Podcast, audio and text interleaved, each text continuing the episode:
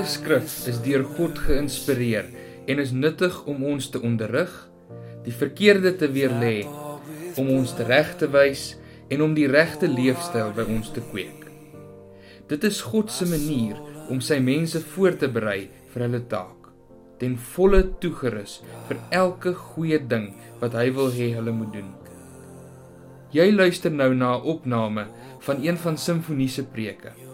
Mag die Here jou seën terwyl hierdie woord aan jou bedien word.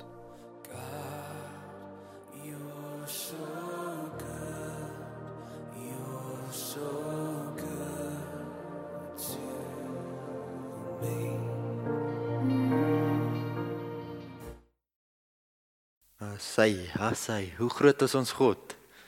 Hoe groot is ons God? Ja.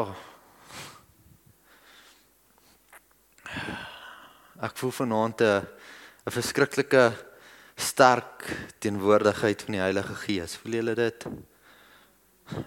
Hoe hy iets vanaand vir ons wil sê. Ja. Papa God is is amazing. He's amazing. Ek praat vandag met met iemand in die kantoor en ehm um, hy hy hy sit met hierdie probleem van van ons generasie van hoe sien mens God? Hoe vat mens aan God? Hoe hoe proe mens God? En ek probeer vir hom verduidelik van my my ervarings. En op 'n stadium sê hy vir my, "Dis great om te hoor van jou ervarings, maar wat van my?" Ek wens hy was hier vanaand. God experience. Soos wat ek daar sit, ek dink ons ons almal is in baie baie moeilike tye op die stadium. Dit is nie lekker weet wat gaan met ons werke gebeur en waartoe gaan ons en moet ons eerder by die huis bly, kan ons maar kerk toe kom, kan ons in groepe bymekaar kom. Wat moet ons doen nie? En uh soos wat ek daar staan, voel ek vanaand dat dat God sê, "Seek me. Soek my met jou diepste wee. Soek my met alles binne in jou. En praat met my. Praat met my." En is dit nie wat ons wat ons geloof is nie? Ekskuus, ek kry verskriklik warm onder hierdie ligte. Dankie lief. Is dit nie wie God is nie? Is dit nie wat God wil hê nie, is verhouding. Dis al wat hy wil hê. Dis 'n verhouding met jou. Dis hoekom hy vir Jesus gestuur het, is om jou persoonlik beter te leer ken. Dat jy kan instap in die allerhoogste. Ons is met die tieners besig, waar ons het vandag afgesluit as gevolg van die hoeveelheid getalle, maar ons is ons is besig met die alfa reeks en dit is 'n verskriklike goeie reeks. Ehm um, so video reeks wat ons kort kort pos en dan dan gesels ons bietjie. En ehm um, hierdie een storie wat hulle uitbeeld op in hierdie reeks gaan oor 'n soldaat wat wat met 'n brief sit En wat gebeur het is in die in die Tweede Wêreldoorlog is sy pa en sy boetie is doodgeskiet en sy ma en sy sussie moet die plaas ran maar ek bedoel hulle is vrouens so hulle kan nie die harde werk doen soos wat dit moet gedoen word nie. En hy is die enigste man oor en as hy moet iets oorkom in die oorlog dan dan sit verby met hulle plaas. En die enigste ou wat hom kan kan vrymaak van hierdie diensplig wat hy het in die weermag is die president. En omrede hy soldaat is, stap hy op en hy stap deur die White House en hy is hy hy probeer by die president uitkom en net voordat hy in in hulle vergaderingskamer kan instap keer hulle hom. Hulle sê vir hom, "Wat soek jy?" En hy sê, "Ek moet met die president praat." En die wagte sê, "Ons kan jou nie hier laat deurgaan nie." Sorry, Die president is besig, hy kan nie nou met jou gesels nie. En die ou stap toe moedeloos met sy briefie wat hy het. En hy gaan sit op 'n bank net buite kan die die Withuis. En soos wat hy daar sit, stap 'n klein seentjie verby en hy hy vra oom, hoekom lyk oom so hartseer? En so pak hierdie soldaat sy sy hart by hierdie seentjie af. En toe hy klaar met hierdie seentjie gepraat het oor die plaas wat hulle gaan verloor as hy iets moet oorkom en sy ma en sy sussie wat hy kan doen dit wat moet gedoen word by die in die plaas nie gryp hierdie seentjie sy hand en hy ruk hom op en hulle hy hardloop met met hierdie soldaat en hy's daar verby al die wagte en verby al die ministers en alles en hy klop nie eers aan die deur van die studeerkamer hy stamp hom sommer oop en hy's daar binne en soos wat hy ingehardloop kom staan die president op En hy sê vir my seun, wat's dit? Die seentjie sê, "Pa, hierdie soldaat moet met jou praat." En is dit nie wie Jesus vir ons is nie? Jesus het al daai wagte weggeskuif. Al daai deure oopgestoot dat ons direkte lyn met die Vader het. Amen. Amen. Ek wil vanaand met julle 'n bietjie gesels um oor 1 Petrus 3 vers 8 tot 14. En ons is besig met die reeks van aan die ander kant. En dit is baie interessant. Dis net Petrus wat so 'n goeie slot kan skryf. Ek dink nie enige iemand anders kan kan so goed 'n 'n gedeelte van sy brief afsluit soos soos Petrus nie. Maar hy skryf hier In 1 Petrus 3 vers 8, ek gaan lees tot so vers 11 en dan gaan ek eers stop. Daar staan teen slotte: Wees almal een eensgesin, medelydend, liefdevol, goedhartig, nederig. Moenie kwaad met kwaad vergelyk of belediging met belediging nie. Inteendeel, antwoord met 'n seënwens, want daartoe is jy geroep sodat jy die seën van God kan verkry. Daar staan geskrywe: As iemand die lewe het, liefhet en 'n lang lewe begeer om die goeie te geniet, moet hy sy tong weerhou van kwaad praat en sy lippe van leuns. Bly weg van die kwaad af en doen wat goed is. Soek vrede en jaag dit na.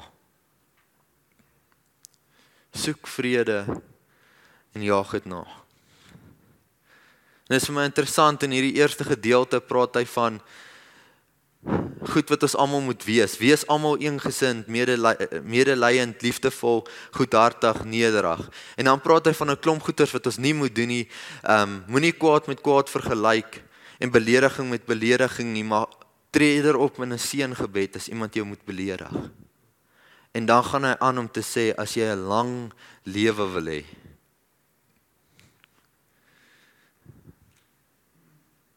Bly dan weg van die kwaad af en soek vrede en jaag dit na.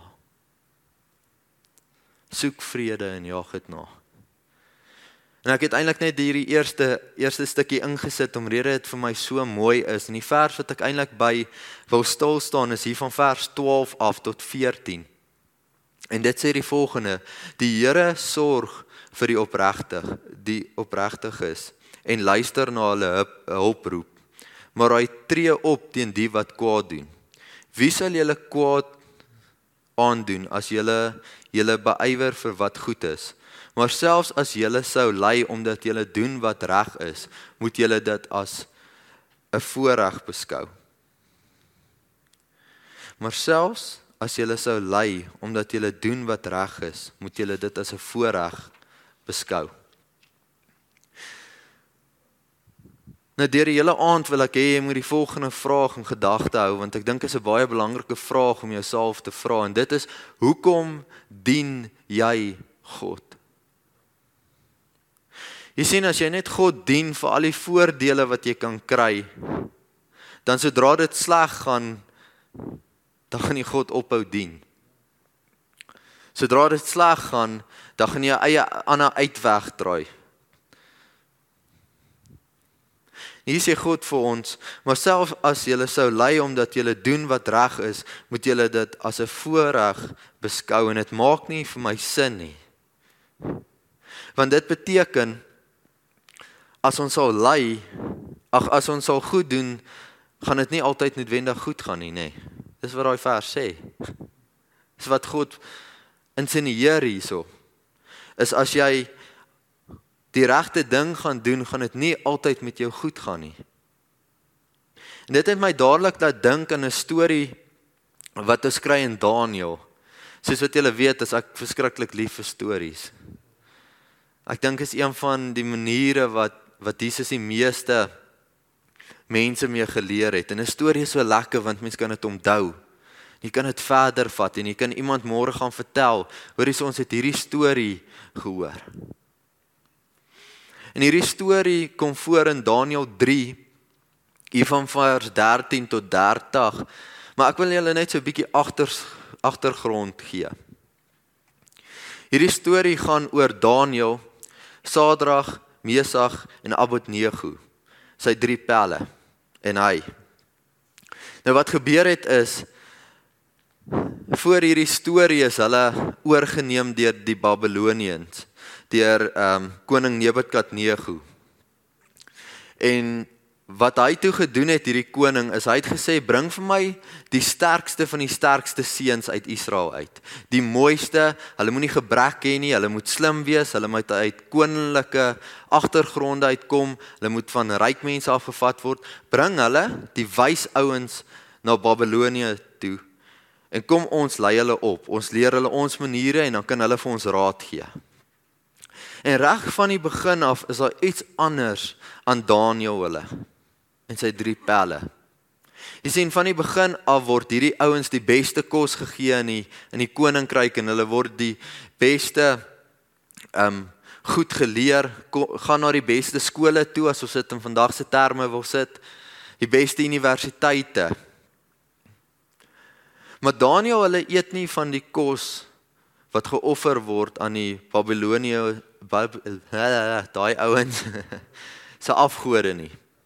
Van die begin af sê hulle vir die ou wat na hulle kyk, hoorie so ons gaan nie hierdie kos eet nie want dit is dit is afgodkos. Ons ons het ons eie God en ons glo in hom. En dis hoekom ons kan nie hierdie kos eet nie want dan breek ons dit wat ons glo. Dan breek ons bande tussen ons en ons God. En hierdie ou was eers baie skepties en hy het vir hulle gesê: "Hoor hierso as die koning sien julle gaan agteruit gaan my my kop rol." En Daniël sê toe vir hulle: "Maar toets ons. Toets ons. As ons slegter lyk as enige van die ander ouens, dan sal ons julle kos eet. Maar as ons beter lyk as enige van die ander ouens, dan gaan ons aangaan met ons dieet." En dis waar ons ook die Daniël vas vandaan kry, nê. Nee. Wat Daniël van vrugte en groente gelewe het. En ons almal ken die storie van Daniël en sy vriende wat die die mooiste gelaat gehad het. Hulle was groot, fris, sterk jong manne. Hulle het beter gelyk as al die ander ouens wat van hierdie afgod kos geëet het. En dan kom jy by die storie van Sadrag, Mesag en Abednego. En dis 'n interessante storie. Dit begin hier by by Daniël vers 3. Waar die koning besluit dis 'n goeie idee om 'n goue standbeeld op te rig. Nou, dit was 'n redelike 'n groot goue standbeeld. Die Bybel praat van hy was so hier by die 30 meter lank. Ehm um, Ek het ek sê vir jou Anik, as ek darm net 'n meter by 'n meter stuk goud kon kry, sal dit great gewees het, maar en hulle rig hierdie verskriklike groot standbeeld op en hulle sê op koning Nebukadneser sê elke keer as daar trompette en musiekinstrumente blaas dan moet julle voor hierdie beeld buig. Dis ons nuwe god. En Sadrag Mesag en Abednego toe die trompette blaas en die musiekinstrumente speel buig hulle nie En daar was tog 'n voorwaarde dan die. As jy nie gebuig het nie, het hulle vir jou 'n lekker oond warm gemaak waarna hulle jou sou gooi. Hulle het die waarheid gesien. Hulle het geweet wat sou met hulle gebeur het as hulle die regte ding aanhou doen het. Die vuuroond was 'n realiteit. En so Toe die trompette en die goedjies blaas en die musiekinstrumente speel en almal buig, staan hierdie drie vriende. En wat vir my interessant is en dis waar ek vanaand wil stil staan. Dis in Daniël 3 vers 17 tot 18. Roep die koning hulle. En die koning is briesend want hierdie ouens het nie voor sy God gebuig nie. Nou sê vir hulle, hoorie so ons kan alles regstel. Ons gaan nou weer die musiek goedjies speel en die trompette blaas en goed. As julle net gaan buig, dan dan vergewe ons alles. Maar as julle nie gaan buig nie, gaan ons julle in die vuur oond gooi. Die realiteit was daar. Soos wat die vorige vers gesê het. As jy die regte ding doen, gaan dit nie altyd maklik gaan nie. En wat hulle toe die koning antwoord is die volgende Daniël 3 vers 17 tot 18. Ons het ons God vir wie ons dien. Hy het die mag om ons te red uit die brandende oond en hy sal ons ook red uit u mag. Selfs as hy dit nie doen nie, moet u weet ons dat ons nie voor u sal buig nie en ook nie voor u beeld nie. En dit het nogal by my vasgestaan. Jy weet, hierdie ouens sit in hierdie verskriklike omstandighede, maar hulle geloof is op God. Dis mense jong mans wat 'n verhouding het met Papa God. Jong mans wat weet wat dit is om 'n pad saam met God te te stap en hulle weet God het die krag om om te genees. God het die krag om ons uit hierdie situasie uit te red. God het engele wat hy kan opdrag gee om hierdie ou se weermag te verslaan. Maar selfs al doen hy dit nie, gaan ons nie buig nie. Wat 'n geloof is dit nie? As so die aand begin en ek het gesê ons is in 'n tydperk waar ons met God moet praat. Waar ons God moet persiew, waar ons God moet najag met alles binne in ons. Ek dink Daniel en sy vriende het dit gedoen. Almal ken die storie waar hulle nie buig nie beteken nie die slegte situasie gaan vir nie al weggevat word nie. Hulle word nog steeds in hierdie vuur oond gedruk. Waar hulle net 3 was, is hulle 4 met 'n engel saam met hulle. Die koning staan verbaas. Hoor hierso, sien nou net 3 ouens hier ingegooi, nou is daar 4, wat gaan hier aan? En glo my die oond was warm want die ouens wat hulle ingegooi het, het verbrand, doodgebrand. En ek wonder wat het deur daai koning se kop gegaan. Toe hierdie drie manne uitstap, ryk hulle nie eers na rook nie. Dis wat ek vanaand met julle wil deel. Hoekom dien jy God? Dien jy God vir die voordele wat jy kan kry? Want ek kan vir jou nou al sê daar gaan slegte situasies oor jou pad kom. Daar gaan slegte goed met jou gebeur. Beteken dit dat dit dan dat jy jou geloof gaan los, dat jy God gaan ophou dien hoekom hy nou nie meer maak soos wat jy sê nie? Jy sien ek ek kom agter veral met ons jonger generasie het ons hierdie idee van 'n van 'n genie. Hulle ken 'n genie, nê? Nee. Daai lampie wat jy vryf en dan peer die ouetjie en dan gee hy vir jou drie wense. God werk nie so nie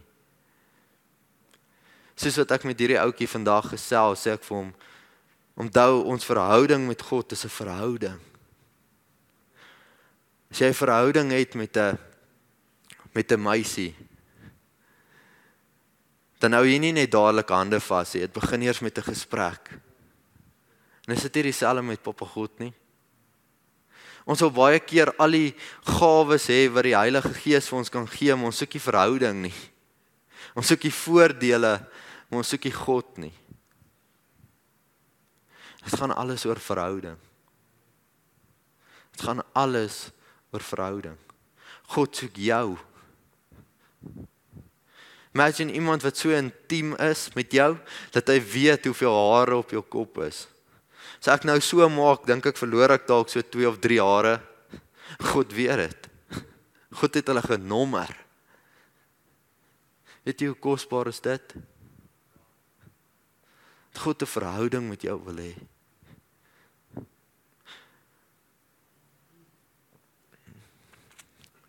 Ons tema is aan die ander kant. Vanaand is my vraag: Wat lê aan die ander kant van jou fokus? Baie keer sien ons net die tydelike goed. Ons sien hierdie moeilike omstandighede waarin ons in is. Ons sit hier sien hierdie COVID ding wat nou baie erger weer raak as wat dit wat dit was nê, nee, so 'n paar weke maande terug. Ons sien hierdie ding weer opvlam. Maar omrede ons mens is, sien ons hierdie groter prentjie wat God het nie. Ons mis baie keer die groter prentjie. En baie keer moet mens sê, Here, ek vertrou U. Ek weet wie U is. Ek weet U sal my nooit verlaat nie, my nooit in die steek laat nie. Jeremia 29 vers 11 is so 'n groot deel van my lewe en ek is 'n vers wat ek baie aanhaal, maar dit is so 'n amazing vers. Want ek weet die planne wat ek vir jou het, sê die Here. Planne vir voorspoed en nie vir teëspoed nie. Planne om vir jou 'n toekoms en 'n hoop te gee. Waar is jou fokus vandag? sien jy die vuur oond by jou voor jou As jy dalk een van van Daniel se vriende wat moet kies, gaan ons buig of gaan ons opstaan vir dit wat reg is?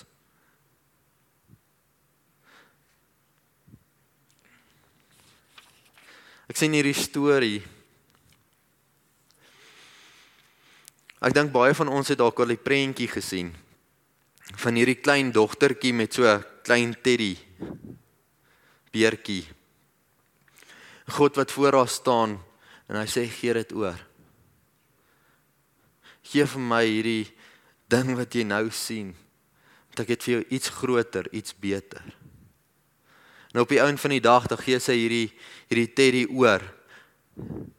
Soos wat hy dit wegvat, gee hy vir haar hierdie verskriklike groot beer wat amper 2 keer haar grootte is. Dis sien ons as mens kan nie die groter prentjie sien of verstaan nie, maar God kan. En hy het meer vir jou pad hiernatoe stuur my neefie vir my 'n vers. En ek het regtig gedink is baie van pas en daarmee wil ek vanaand afsluit. Ek wil vra dat pastoor Jacques weer vir ons sing How great is our God. Johannes 16 vers 33 en dit sê Dit sê ek vir julle sodat julle in my rus en vrede kan kan vind. In die wêreld sal julle swaar kry. Maar skep moed. Ek het die wêreld reeds oorwin. En dis die God wat ons dien. Dis die God wat verhouding met jou wil hê. Dis 'n God wat al klaar hierdie wêreld oorwin het. Dis 'n God wat klaar die groter prentjie geskep het in jou lewe. Wat klaar vir jou planne en drome neergeskryf het. En jou naam staan in sy hand. En dalk iets sê vanaand pastoor wat ons gaan moet anders te interpreteer. Baie ouens sê jy mag nie tatoeëes kry nie, maar God het jou naam in sy hand gegraveer. God het 'n tattoo met jou naam in sy hand. Hoe amazing is dit nie? Ek dink God sit party aande daar. Hy wil dalk vanaand oor jou. Kom jy nog die tyd gemaak het om by hom uit te kom? Kom jy dalk ver is van hom? En dalk is dit hoekom jy hierdie brandende vuur oond sien. Dit is oukei om bang te wees. Dit is oukei om nie te weet wat wat gaan gebeur of of wat die plan is nie. Maar ons plek om vas te hou. Een van die tieners vra my Woensdag, "Hoekom dien ek God? Wat's my rede om God te dien?" Ek sê vir hom as as al die mense om my vuil en ek het nie meer werk nie. My kar breek. En as niks waarna ek kan vashou nie, kan ek weet ek kan aan God vashou. En as jy rots wat nooit verander nie, en hy sal nooit wegval nie. Hy is die enigste ding. Die enigste persoon waarna ons alles kan aan aanheg. En hy sal jou nie teleurstel nie. Baie keer sal hy vir jou sê nie nou nie of nie dit nie want ek het meer en beter vir jou. Maar ons altyd 'n groter plan. Daar's altyd meer. Hoe groot is ons God?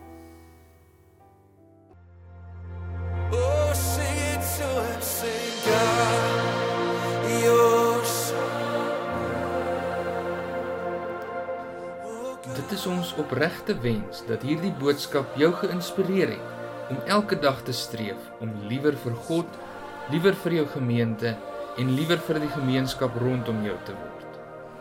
As jy meer wil uitvind oor simfonie en wat daar gebeur, besoek gerus www.simfonie.co.za. Mag die Here jou seën.